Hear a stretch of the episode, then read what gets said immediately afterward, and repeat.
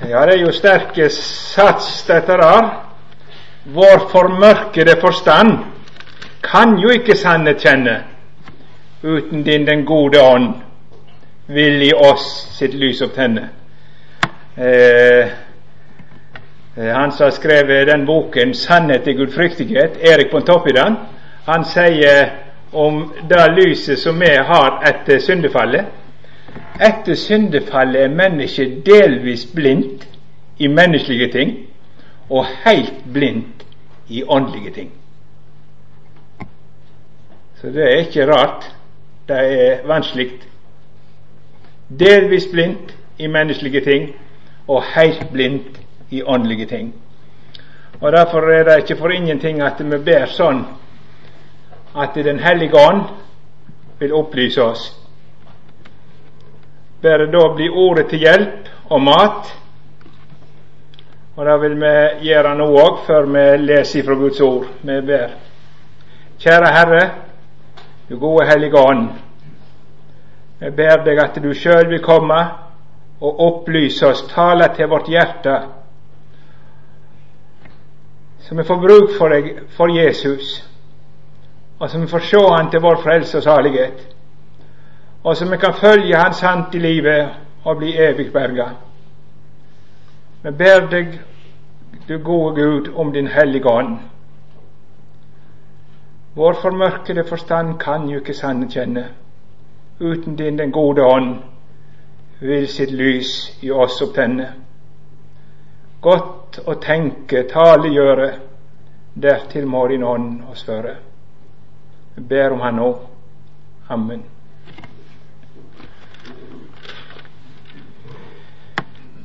Vi vil i denne timen lese fra vers 5 i det samme kapitlet som vi leser eh, i forrige time. Kapittel 1 i 1. Johannes brev, og vi leser i Jesu navn.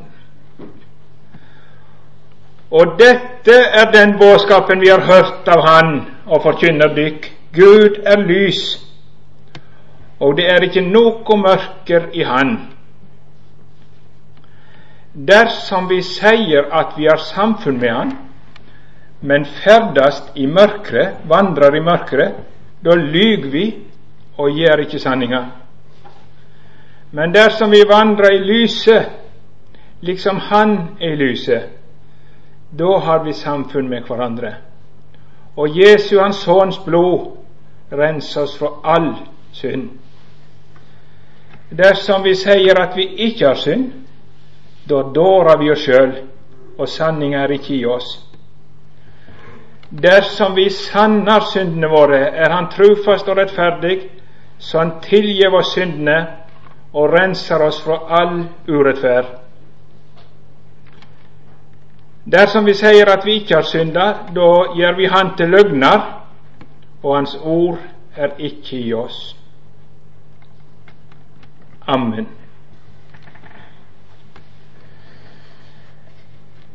Ja, jeg var inne på allerede i timen som var at kristendom det er samfunn med Gud. Forunderlig hva som skjedde når et menneske tok imot evangeliet, at det kom i samfunn med den levende Gud. Leve sammen med Gud.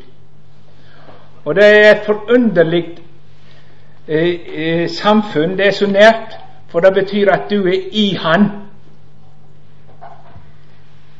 Der står det er ingen fordømmelse for de som er i Kristus Jesus.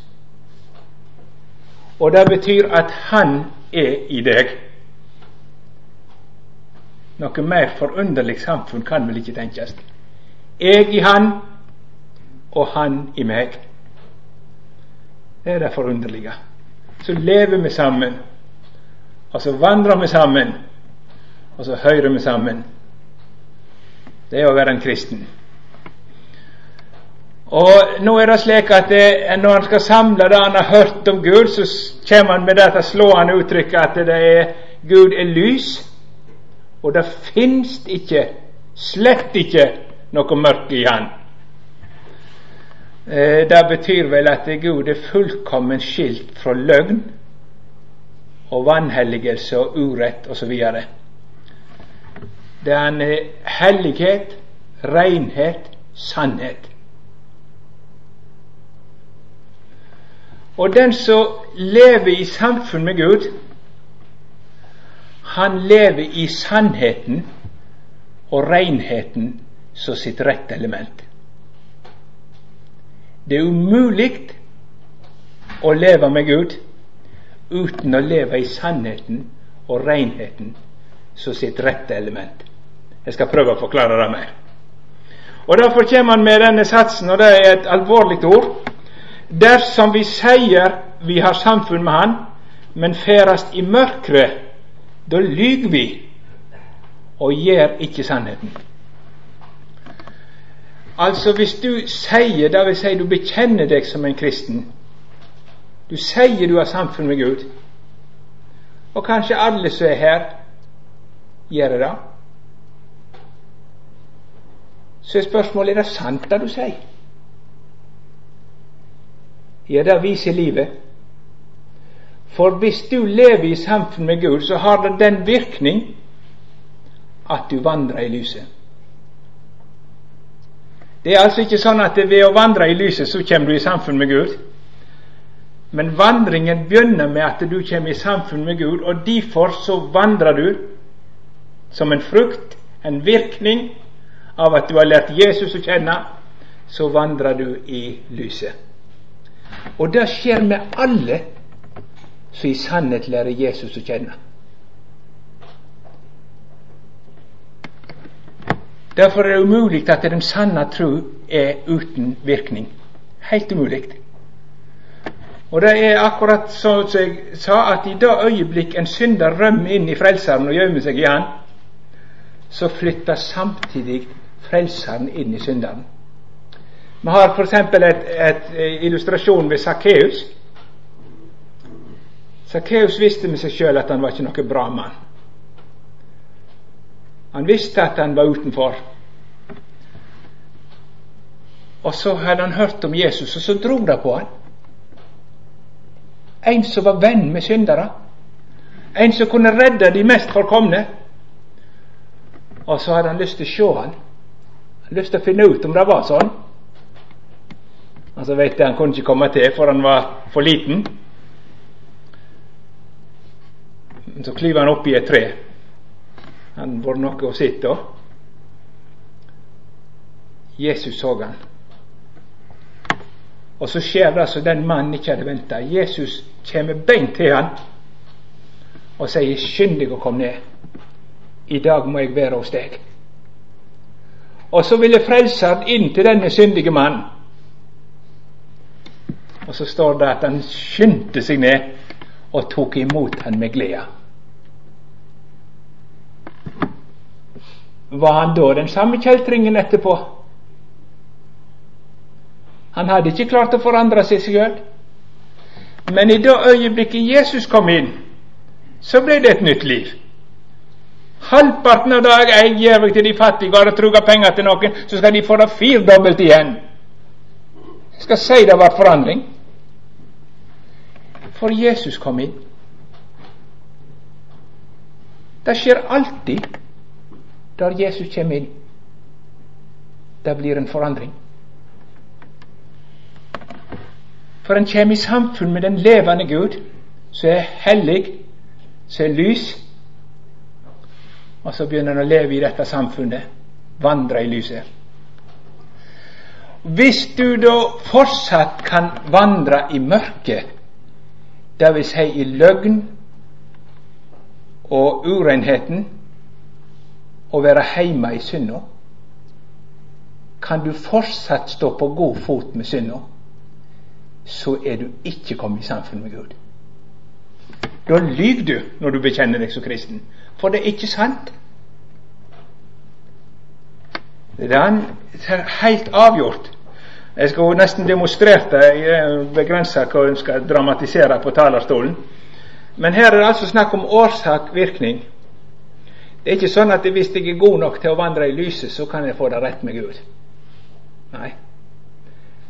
Først må du få det rett med Gud gjennom Jesus, og så kommer virkningen. Det kom en smell når jeg slepte. Jeg kan aldri gjøre motsatt og si jeg skal slippe når jeg hører smellen.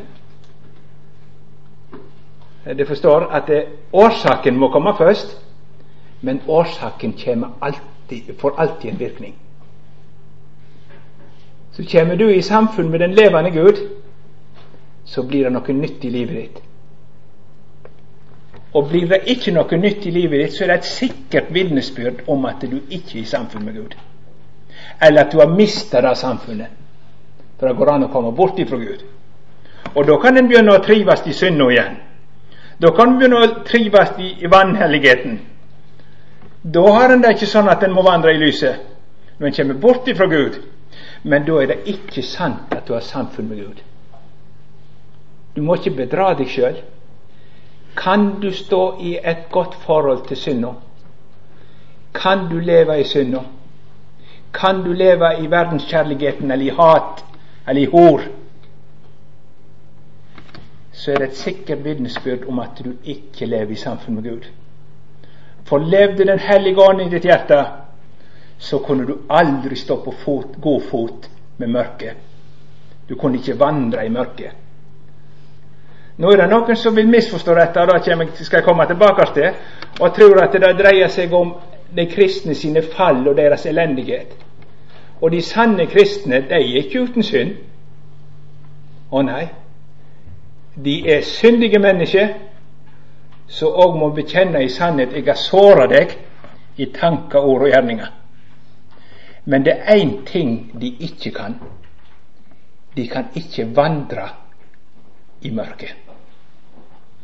De kan altså Det går an å ha synd og syndighet, egenkjærlighet, egoisme. Det går an å falle så du gjorde ting du ikke skulle ha gjort. Men du kan aldri slutte fred med synden hvis du lever i samfunn med Gud. Aldri. Det er umulig. Den som lever i samfunn med Gud, han er og blir en fiende av synden. Han kan ikke være heime der. Et menneske kan du dette på skjøden, og det kan dette på ilden endog. Men blir det værende, så vet vi at det er dødt. Kan det være være der? Nei, da må det ut att, for det er ikke heime på en sånn plass. Det er ikke det rette elementet. Det er ikke der en er heime. Og en som lever i samfunn med Gud, han er heime i sannheten og rettferdigheten og renheten. Han er ikke heime i synden lenger. Det er noe som han hater, noe som han er lei for, noe som han må ha hjelp imot, noe som er hans fiende. Derfor er det sånn at kan du fortsette i synd og ha det godt med det, kan du forsvare ditt syndige liv osv., så, videre, så er det sikkert bevis du trenger ikke flere at du ingen kristen er. Må ingen bedra seg sjøl. Og Derfor står det om det mange plasser i Skriften, f.eks. i Matteus 7, Jesu bergpreike. Der sier han ikke alle som sier til meg, Herre, Herre, skal komme inn, men de som gjør det Far min i himmelen vil. Ikke alle som bekjenner seg til Jesus, er sanne disipler, men de som vandrer i lyset kun deg. Det er nemlig ei fødselsgave. Ja, du kan godt si Den hellige ånd er fødselsgava. Det er Den hellige ånd som gir troen, det er sant.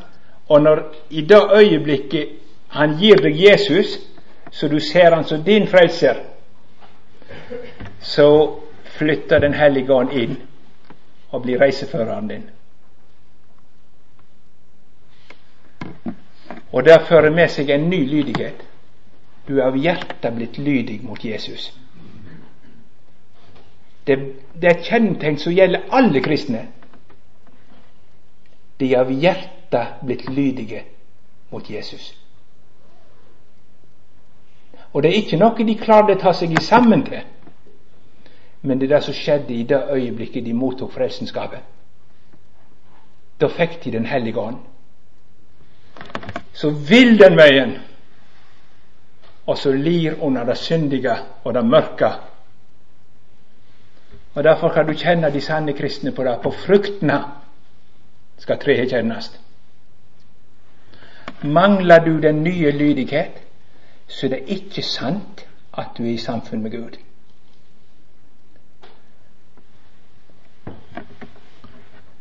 Ja. Og Derfor er det en maler ut videre, og det avsnittet kan du godt si går fram til i slutten på kapittel to, hva det vil si å vandre i lyset. Går inn på dem fra forskjellige hold. Og Da er det først i kapittel 1. Det består i at du bekjenner din synd. Du sanner din synd. Den som nekter sin synd, eller skjuler sin synd for Gud, eller nekter å gå med på sannheten, han er ingen kristen. For den kristne, han gir Gud rett. Det skal jeg komme tilbake til i denne timen. For det andre så fører det at du er kommet i samfunn med Gud med at du holder Hans bud. Guds bud og vilje er rettesnor for ditt liv. Er det ikke så, så kjenner du ikke Gud. Det står mye om, og det kommer vel inn i første timen i morgen antagelig. Av dette vet vi at vi har lært å kjenne Han om vi held båa Hans. Og det betyr ikke en fullkommen oppfyllelse av Guds bud. Det skjer ikke i denne verden. Men Jesu bud er rettesnor for ditt liv, så du gir rett, og du bøyer deg for, og du tar vare på, og du retter ditt liv inn etter. Det er bl.a. brukt et ord som betyr 'ta vare på', som du tar vare på store verdier. Jesu bud og vilje er noe du ikke kan stri imot, men du må bøye deg for både når de dømmer deg, eller når de viser din veien. Jeg, husker Carl Fredrik Wisløff tok opp f.eks. det med samboerskap. En kristen kan ikke leve som samboer. Det er umulig, da. For hvis han var en kristen, så ville han lye Jesus og si at det, samlivet hører til i ekteskapet. Og kan han ikke være fråholdende, så skal han gifte seg.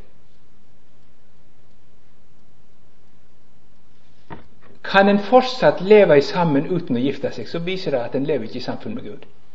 Det er umulig.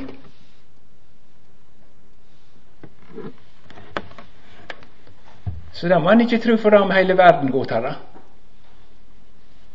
For den sanne kristne han spør ikke verden, men han spør Jesus.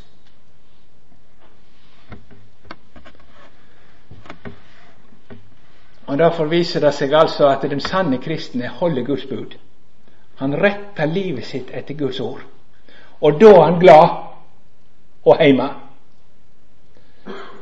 Så når han feller, så må han dømme seg fordi han bøyer seg for Guds ord. Og Så viser det særlig til det med broderkjærligheten at det er noe forunderlig at når du kommer i samfunn med Gud, så kommer du i samfunn med de andre kristne. Så det er ikke noe godt merke hvis du bekjenner deg som en kristen, men ikke har trang til å samles med Jesu venner. For du føres inn i samfunn med Gud, så kommer du inn i en søskenflokk der du tilhører de andre kristne, og du må få være sammen med dem. Feilene som de er, det får være alt, men Jesus sine venner, de må jeg høre til. For det skapte en ny kjærlighet. Du har fått det sinnelaget som finnes i Guds himmel. Jeg skal bare bli så mye klarere der hjemme, for da er vi skilt ifra alt urett òg. Men allerede her i tida har du opplevd det. Er ikke det rart? Når du fikk øye på dette med Jesus, så var det noen som ble så om for deg å være i lag med. For de hadde òg sitt. Broderkjærligheten og det skal takast fram som vitnesbyrd om du var en sann kristen på den siste dag. Alt det det gjorde mot mine minste. Forholdet til Jesus sine små venner i denne verden viser forholdet til Jesus sjøl. så er du en som klarer det godt uten de kristne og trives like godt i verden, så er det helt sikkert du lever ikke i samfunn med Gud.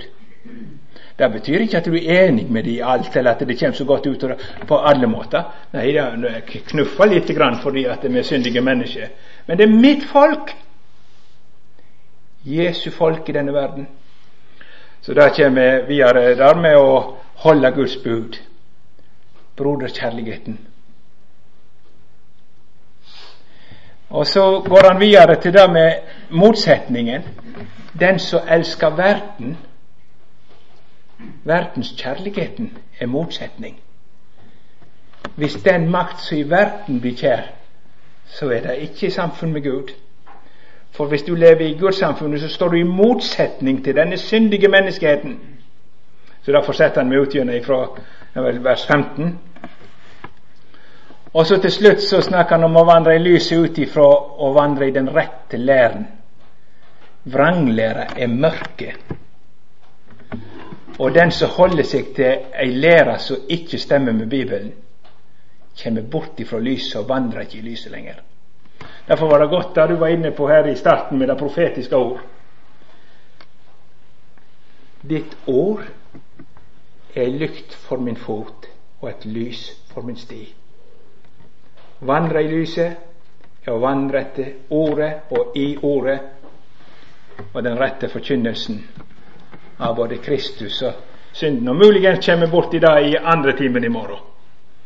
Vi får se litt hvor det går. Jeg er ikke så strukturert som jeg burde være, antagelig.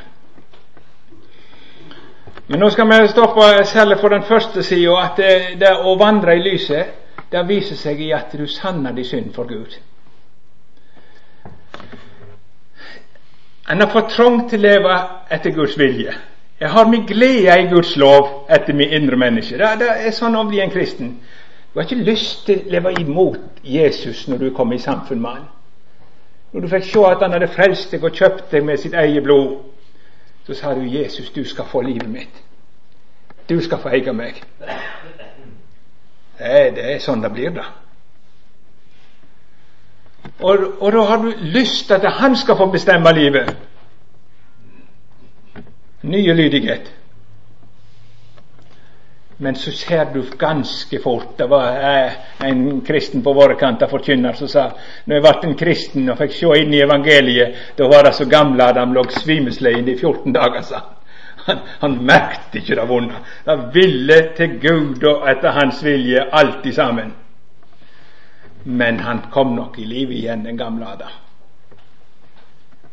Og Derfor er det en kamp å være en kristen, for det er noe som vil en annen vei. Det er noe som vil tilbake til Satan sitt mørke rike. Men jeg har min glede i Guds lov etter mitt indre menneske. Der er jeg hjemme. Synden er noe jeg må bort ifra, ha hjelp imot og frelses ifra. Det er ikke noe jeg kan si 'ja, det vil jeg ha', og så omfavne det. Det er umulig. Men dette kunne jo få oss til å tro at en kristen ikke falt, eller var et. Og da skal vi merke at å vandre i lyset Når du kommer nær Gud og lever sammen med Gud, så er det ikke det at det synd å forsvinne, men å bli bare så mye tydeligere og hesligere i dine øyne. Og det hadde jo sikkert sett denne våren jeg har sett så mange eksempel på det når jeg reiser rundt i heimene til folk. Så kommer jeg inn til husmødrene en fin søndagsmorgen, og sola står på, og så sukker hun og ser på glasset. 'Å, jeg skulle nå hatt vaska glasset før du kom.' Nett så det betyr mye for meg. Ja, ja hun hadde ikke sukka hele vinteren, men når lyset kom, da så hun urenheten. Og slik er det å være en kristen. Det å få se vandre vandrer sammen med Jesus. Da er jeg ikke bare fornøyd at andre folk syns jeg er sånn noenlunde, men da viser han seg meg så mye æresyke, egoisme. Nå er det ikke nok å bare leve eh, rent i det ytre, men da peker han på hver en hård tanke, hver en utuktig tanke, og så blir det så stygt og heslig. synd å bli så stygg. Du kommer inn i lyset. Og så kan du ikke unnskylde det eller bortforklare det. Og så kan du bli så fortvila over deg sjøl. Og én ting er jo det du kan slutte med. Det går jo an å slutte å barna og, og bryte søndagen og helligdagen og sånt på. Det kan du gjøre ganske fort. Men det er synder som det er så vanskelig å bli kvitt. Og som du stadig vender tilbake til, og som du henger så fast med. Og Før snakket jeg òg at en kristen hadde gjerne noe å si til si jeg jo ja, var det skjødesynd de kalte det, ikke sant? Noe du har spesielt lyst til å kjæle for, så du ofte og stadig faller i. Ja, det kan være en kristen. Og så begynner du å tenke sånn og bli motløs. Jeg lever visst i mørket, det er så mye stygt der inne. En stund så var jeg så glad og lykkelig og hadde lyst til Guds ord. Nå er jeg så treg. Og så tenker du jeg er visst kommet bort ifra Gud. Ja, det kunne jo hende. Men det behøver slett ikke være sant. Det er bare at du kommer inn i lyset så du ser så djupt det som finnes i deg. Og i en kristen finnes alt som finnes i Adams falne slekt. Mer eller mindre tydelig. Så de helligste stundene kan du bli så forskrekka over deg sjøl. Kan du merke ulyst mot Gud? Ja, men skulle jeg hatt ulyst mot Han som har kjøpt meg? Gamle Adam er ikke blitt et hakk kristeligere gamle naturen. Og Da er det fort å komme inn i og møsse motet. Når visst aldri fram. Trodde det skulle bli en forandring, og det kjentes gjerne som det var forandring når du var opplivet av nåden, for det er nådekrefter. Livet opp. Men så gikk det ei stund, og så var du ned i det samme gamle sporet. Så er du så bedrøvet. Og så tenker du 'jeg når aldri fram'. Jeg snakker sikkert til noen som her er kanskje kommet inn i skikkelig trelldom igjen. Det nytter ikke for meg. Jeg får aldri til noe med troen, ens glede og nyvandring. Jeg skal si deg en ting. Om du kjenner alt dette der, så skal du ikke miste motet. For du har en vei å gå, så du skal fortsette å gå. Du skal sanne din synd for Gud. Du skal få komme Jesus i favn med alt sammen. Og så lenge du fortsetter med det, så lever du i samfunn med Gud. For det å sanne sin synd, det å felle dommen som Gud feller over meg. Og det gjør altså den som vandrer i lyset. Får være så gal det vil. Jeg må til Jesus med det. Jeg må til Jesus med det. Jeg skjuler det ikke, men jeg må fortelle det til Han. Sanne det for Han. Og det er sjølve noe av pulslaget i en kristens liv, da. Du sier til Gud dine fall, dine små synder, dine store synder og dine vaner. Etter hvert som det kommer, så kommer du til Han med det. Det viser hvor du hører hjemme. Du hører ikke hjemme i vanhelligheten og syndigheten, men du hører hjemme hos Jesus. Og du er enig med han. Du feller samme dommen som han. Og så flyr du til den ubegripelige plassen han har laga for syndere. Det står om ei kjelde i Davids hus mot all synd og urenhet. Du store Gud, jeg trenger ikke gå fortapt om jeg kjenner meg svart som en djevel. For det finnes ingen synd som ikke Jesus har båret og kjøpt forlatelse for. Og så får jeg springe Gud i favn. Og så får jeg forlatelse og forlatelse og forlatelse. Og så er det åndedrag og hjerteslag i en kristens liv. Vi synd og nåde bytter, og jeg er Jesu brud så blir du ikke stor og sjølgjort og hellig i deg sjøl, men din hellighet er i Jesus. Ja. Og så lenge du går den veien, så sier du ikke til deg til synda at ja, nå skal vi leve godt i lag, jeg og deg. Det Synda forblir en fiende og en smerte fordi du er et hellig menneske. Du i Han og Han i deg. Trives ikke i synden. Du må til Jesus med det. Så det er et bevis på at hvis du lever der og bekjenner din synd for Gud Ikke fordi det liksom er plikt, men det er blitt sånn. Det er en frukt av å vandre i lyset, som jeg sa i stad. En virkning. Noe som er blitt sånn fordi du lever i samfunn med Gud. Så må du til Jesus med dine synder. Så skal du slett ikke miste motet. Nei, det skal du ikke. Det står så sterke vers her. Dersom vi vandrer i lyset, har vi samfunn. Og da kunne vi vente det sto samfunn med Gud. Da er det sant at vi har samfunn med Gud. Og det er sant. Men så går han et skritt videre og sier samfunn med hverandre. For når du har samfunn med Gud, så har du samfunn med de andre kristne. Det er ikke alle kristne som bekjenner seg som kristne, som har samfunn. Men det er de som bekjenner sin synd for Gud fordi de lever med Jesus. Har samfunn med hverandre. Et forunderlig nådefellesskap. Der vi lever av at vi synd og nåde bytter, jeg og Jesus. Det kommer med karbondioksiden ikke sant, når vi puster ut. Elendigheten som må vekk. Og så var puste inn igjen. Jesu Kristi Guds Sønns blod renser ifra all synd. Jeg skal ikke bli fordømt for noe av dette. Alt det som plager deg og jager deg, er under blod. Så Gud ikke regner med det.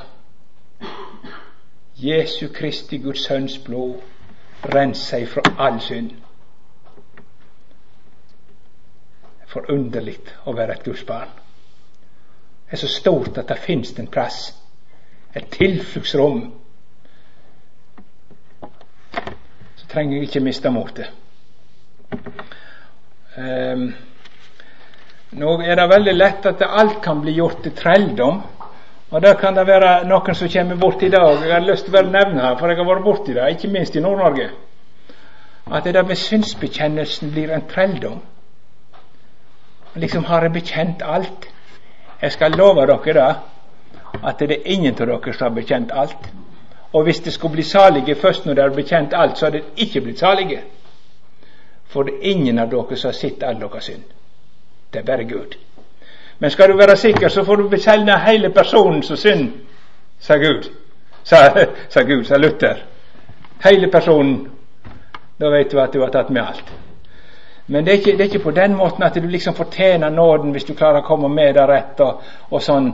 Og nå må jeg skunde meg og få det rett igjen og bekjenne. Nei, det er altså en virkning av at du virkelig lever med Gud. Så har du lyst til å skynde deg til Jesus med det. Og du må få deg din rett og din tilflukt. Så det er ikke det at det, du, du bekjenner og betaler med bekjennelsen. Eh, vi kan lese det litt feil, da ordet, at da er han trufast og rettferdig hvis jeg bekjenner. Nei, han var trufast og rettferdig før du bekjente. Men i det øyeblikket fikk du del i det. Jeg kan bruke et bilde som jeg vet Øyvind Andersen brukte. Hvis du snur deg og ser mot det huset som står på bakken, så ser du at det lyser på. Det var ikke det at du snudde deg som fikk fikk lyset på. Nei, det var på. Men når du snudde deg, så fikk du se det. Det er ikke det at vi bekjenner som skapte nåden fram i Guds hjerte, rett forstått. Men da får du bruk for det, og da blir det til deg. Du må få se det, og du skal få leve i det. Men han er trufast og rettferdig, så han tilgir oss når vi bekjenner. Og hvorfor kan han det? Er det rettferdig? Jeg som har falt så mange ganger. Jeg som ennå er så skrøpelig. Jeg tenkte det skulle bli bedre, og så syns jeg jeg står på samme plassen og må komme med elendighet og fall igjen. Kan det være rettferdig? Gud kan aldri glemme oppgjøret på Golgata. Da Jesus betalte for smitt og smule alle syndene dine. Og når du lever i samfunn med Gud, så er det rettferdig i Guds øyne at du får syndenes forlatelse. Det er i overensstemmelse med Hans vilje. Han krever ikke oppgjør to ganger. Lever i samfunn med Jesus og har Jesus, så har du dekning for alle syndene dine. Og derfor skal du ikke, kan ikke komme til falle i noe som ikke Jesus har vært. Og så sant du blir hos Han i troen, så er det en evig forlatelse. Derfor tror jeg det er rett å bruke et bilde som jeg har vært glad i.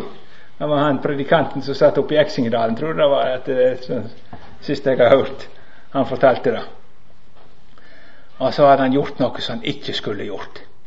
Og Det er jo så bedrøvelig når en kristen blir overlista, så det ikke bare blir synd i tanker, men det blir òg noe som skader et medmenneske, eller hva det nå kan være for noe. Såra. Og så mens han sitter og skal forberede seg til kveldsmøtet, så kommer den vonde på besøk og sier til han er det mulig at du kan preike sånn som du har oppført deg? Og han blir fort enig. når det nytter ikke. Han kan ikke, kan ikke preike. Er du i hele tatt en kristen sånn som du er? Og så ble det så vanskelig. Og mens han sitter der og er så bedrøvet, så hadde han lagt Bibelen i sammen. Og så kikket han ut glasset og satt og så ut glasset. Og da ser han det fosser borti kanten der en stor foss. Og så var det så det kom et bilde, om det var Gud som gjorde det på den måten, eller hva det var, men iallfall så ser han seg sjøl stå midt inne i fossen. Og så står det en og hiver skipet på han. Ble han skitten? Nei, han var heilt rein. Og de kunne hive og hive. Han sto midt i fossen. Sånn er det å få være et Guds barn ei kjelde mot all syndurenhet. Så du som har det sånn at du må til Jesus med din synd, hvor gal er den? Du står midt i fossen. Helt rein, natt og dag, før du kommer, mens du kommer, etter du kommer, så lenge du får sett og ha det sånn at du går til Jesus med din synd. Det er ikke noe ærefull gang for gamle Adam, dette der. Det blir ikke noe stor som å leve av å få.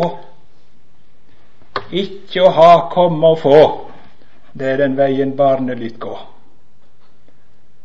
Men du får en herlig plass.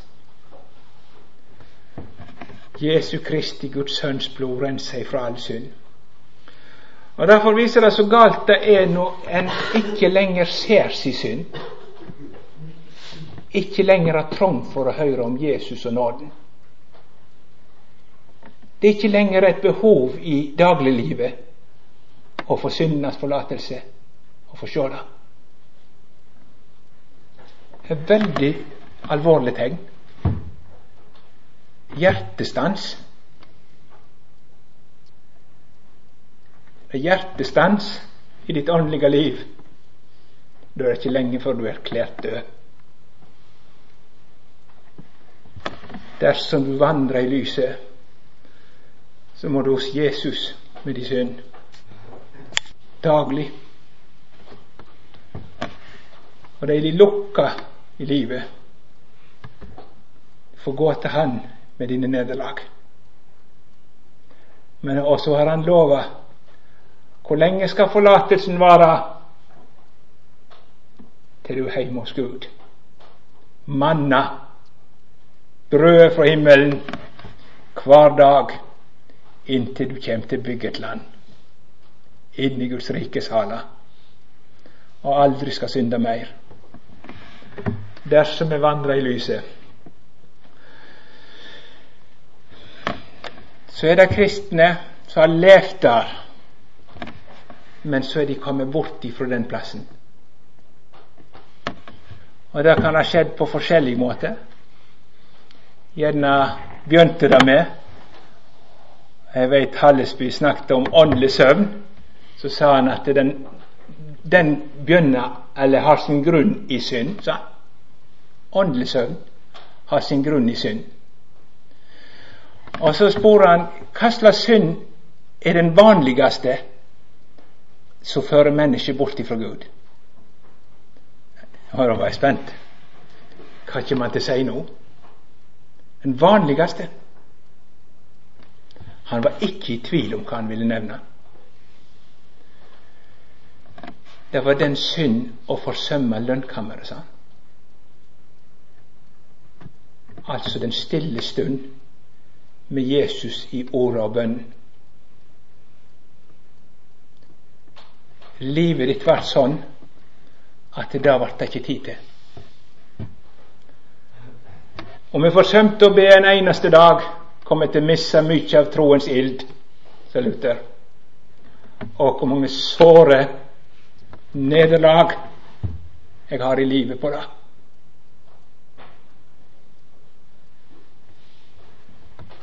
Og, og ordet Det er ikke så nøye om det kjennes tørt. Bruk det likevel. Du sitter ikke sånn når du eter til daglig og analyserer kjentes det godt ut i dag, har det stor kraft i dag. Når du eter frokost, så kjenner du virker dette på føttene mine. Nei, du veit at jeg, jeg må få leve med Kilden. Jeg må få leve med Ordet. Jeg og Jesus må være alene. Det betyr ikke at du ikke skal høre i forsamling. Du kan få alene en stund med Jesus mens du sitter og hører. Å ja! Jeg mener ikke å underkjenne det. Men du trenger gå inn i ditt lønnkammer og lukk døra. Der inne er du og Jesus alene. Har du ikke noe å snakke om? Har du ikke noe å si til han? Fortell han hvordan det har gått med deg i det siste. Skal du høre så stilt inni fra ordet at Jesu Kristi Guds Sønns blod renser fra all synd. Fortell han om dine bekymringer, dine travle dager. Fortell han de plassene du lir nederlag. Og rop på Hans allmaktige arm inn i ditt liv. Og så skal du merke det har det så gildt i lag. Du med nåden, jeg med skammen, og hvor vi da passer sammen, du Guds salvede Guds sønn. Dette veit Satan, og derfor er han mester til å få det til så det ikke blir tid. Han blei ikke. Sakte, men sikkert får du vana inn i livet som trellbinder deg, så dette ikke blir plass til. Og så sovner synserkjennelsen. Og så sovner nådehungeren. Og så har du ikke lenger noe å være bedrøvet over deg sjøl for. Hvorfor? For du vandrer ikke lenger i jeg må nesten si det, du vandrer ikke lenger i ordets lys. Og da blir ikke synda avslørt. Og så bærer det så er ikke det noe nød lenger. Og så har du ikke mer å be Gud om at Han må hjelpe deg i det jordiske livet. For det er det du trenger helst. Komme bort ifra synserkjennelsen, sovne. Og da kommer du samtidig bort ifra nådehungeren. Så når de andre gleder seg til å høre om Jesus, så er i grunnen ikke det noe for deg. Å, hvor sørgelig at jeg kunne lage møte på en sånn fin dag. Jeg kunne satt ute i sola. Jeg som har mer bruk for den jordiske sol enn for nådesola. Så syns de det er for skrekkelig å kunne sitte ei sånn stund på en dag. Ikke sovne. Ja, men så kan det gå annerledes til etter hvert. da, Når jeg syns Sennelsen sovna, så begynte du å bli mindre nøye med livet. Og Så er det så mange tilbud, og så er det så mange filmer som går, og så, så mye som går på nettet. Og så ble det f.eks. ei side av saken der du begynte å ta inn ting som du før fordømte, og nå hygger du deg med det. Og så Før var du så lei deg når du kom til å kaste et urent blikk, da for de forbi, og så snudde du deg så var du hos Jesus og snakket. Nå er du begynt å godta det. For du lever i lag med verdslige folk som syns det er helt normalt og flott samtaleemne. Og sakte, men sikkert så toga verden inn. Og så begynte jeg å tenke på verslig vis. Og så var det ikke lenger himmelen og det at folk skulle bli frelst. Og det at du skulle hjem til Gud, så var det så du daglig. Men mer, flottere hus, lenge reise, mer forbruk. Og så sitter mange kristne sporet helt av. Bekjenner fortsatt kristennavn. Men de kommer helt ut av kurs. Og det verste er ikke at de kommer ut av kurs, men de har ikke vondt av det. Å nei. Hvis noen vil prøve å nærme seg Å, må ikke bli lovisk. Nei da. Så mørket kommer tilbake. Og så kan en snakke nedsettende om andre mennesker. Drepe sine medmennesker med munnen. Har ikke vondt av det. En kaller det bare å være sannekjærlig. Det var en som sa at en lærer seg av med å kalle syndene med navn, og begynner å finne finere ord på det. Og da kaller en baktale for å være sannhetskjær. Og så kaller en gjerrighet for å være sparsom. Og så kaller en det å lese litteratur som oser av urenhet og erotikk, det kaller en for å følge med i tida. Får det til på en annen måte så det ikke høres så galt ut. Og så kommer mørket tilbake. Og så er du kanskje her som bekjenner deg som kristen, men du slett ikke vandrer i lyset lenger. Det er slutt. Fortsatt har du kristennavn, men det er bare i navnet. Du lyver, for du vandrer i mørket.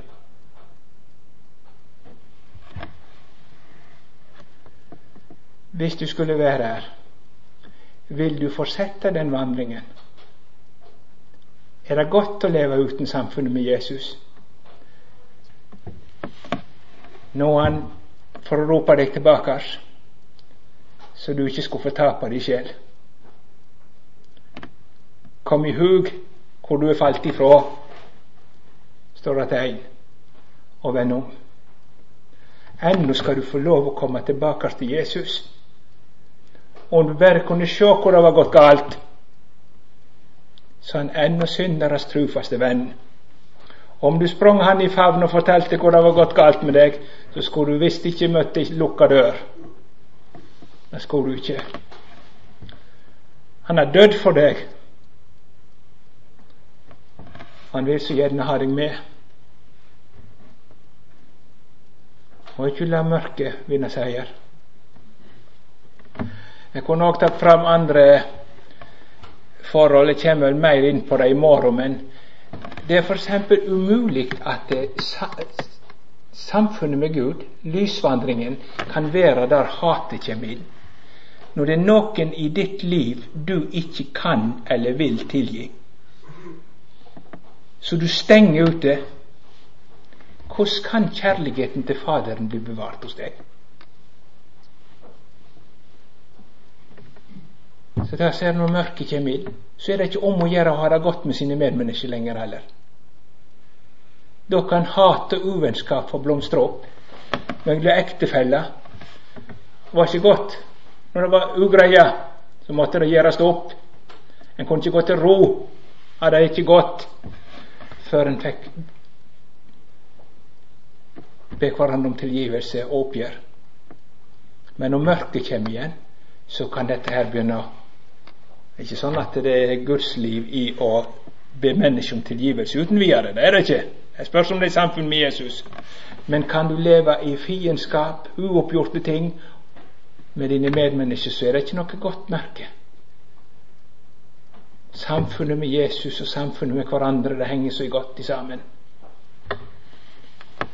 Og nå er det ikke alltid det er mulig fra den andre side. Det kan være et vantro menneske du har med å gjøre.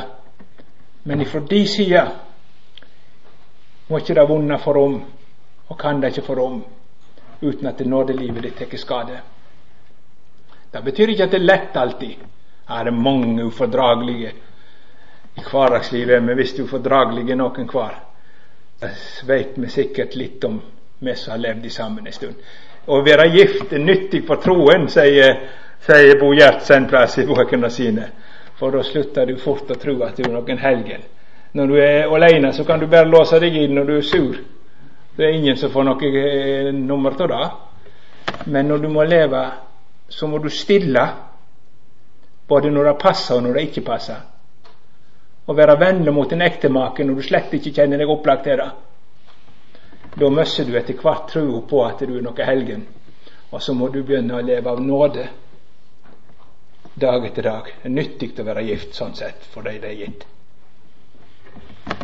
Det er det. Da må du leve av nåde. Men så kan det altså komme mørket komme igjen, så det er ikke lenger er nåden som preger forholdet. Og så får det vokse opp djevelskap som fører til den ene etter den andre, også i den kristne sammenheng, blir skilsmisse. Ja da. Og den elendighet som følger med. Og så mange, mange. Nå kan det være slik at det er for hennes skyld, og, og, vi vet alt dette der, men likevel var ikke dette Herren tenkt med vårt liv. La ikke sola gå ned over dere brede, så får en leve i oppgjør og kjærlighet for Guds ansikt. Tennes opp igjen. Så det er mitt kall som Han å gjøre godt imot min ektefelle. Så hun blomstrer. Han får nok å prøve seg på. Får det. Ja, men angår dette livet, da? Gudslivet? Ja, midt i. Du som lever i samfunn med Gud, så angår det deg i høyeste grad hvordan du lever med dine næreste, med dine medmennesker. Har du aldri tenkt på det? Forholdet ditt til Gud og forholdet til dine medmennesker henger i hop. Særlig til dine medkristne. Ja vel, det er så skummelt når mørket kommer igjen. Og så er ikke lenger en våken samvittighet. Og så har en ikke lenger så vondt til dette, så er det ikke lenger noe livsfriskt at jeg i dag òg har fått trodd Guds nåde og går ut og tenk at Han tar imot meg. Tenk at det var nåde i dag. Kjære Jesus, hvor god du er mot meg. Han er min glede. Han er min sang. Nei da. Når mørket kommer igjen, så blir nok sangen en annen ting. Og så er det slik altså at verdenssinnet så lett tar over. Tror du det tåler den velstanden det er oppe? Tror du gudslivet ditt tåler det? Det skal god rygg til å bære gode dager. Mange, mange kristne har ikke tålt det. Så nå er det ikke Jesus de snakker om når de kommer sammen. Bare hør etter. Og nå er det ikke boken om han oppbyggelse, men nå er det et bilblad. Eller noe sånt. Bare sjå. For det hjertet er fullt av, det taler munnen.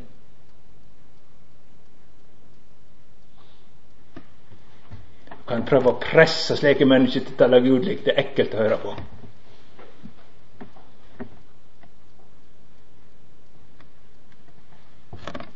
Ved mørket kommer tilbake.